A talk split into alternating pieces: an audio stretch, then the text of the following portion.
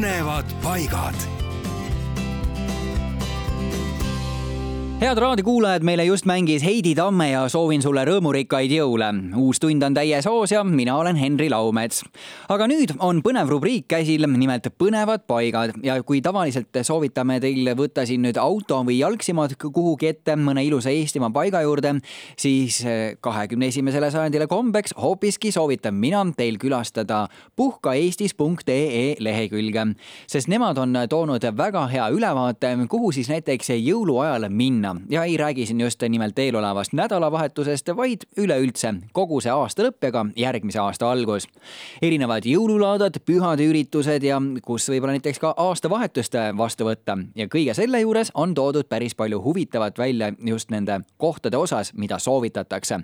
näiteks ei teadnud mina, et Tallinna jõuluturg on kohe nii laialt heaks kiidetud, et aastal kaks tuhat kaheksateist märkis ajakiri Forbes selle üheks kümnest kõige ilusamast jõuluturust Euroopas ja ka sellega siis asi ei piirdunud, aastal kaks tuhat üheksateist valisid reisijad üle maailma Tallinna jõuluturu Euroopa kõige ilusamaks jõuluturuks.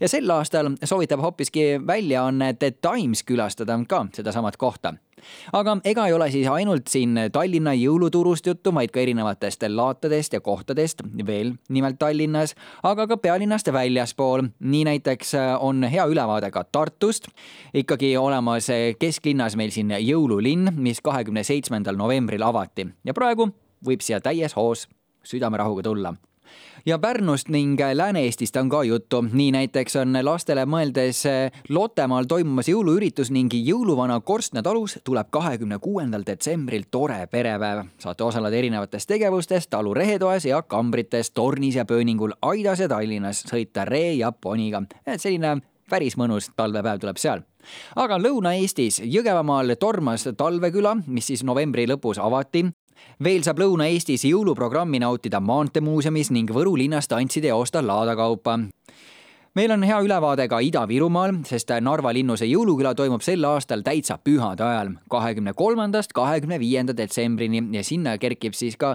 jõuluvana maja, suveniirilaat, kontaktloomaaed ja jõulukohvik. kontaktloomaaed, väga huvitav nimetus, aga tõenäoliselt saab siis loomi oma käega katsuda.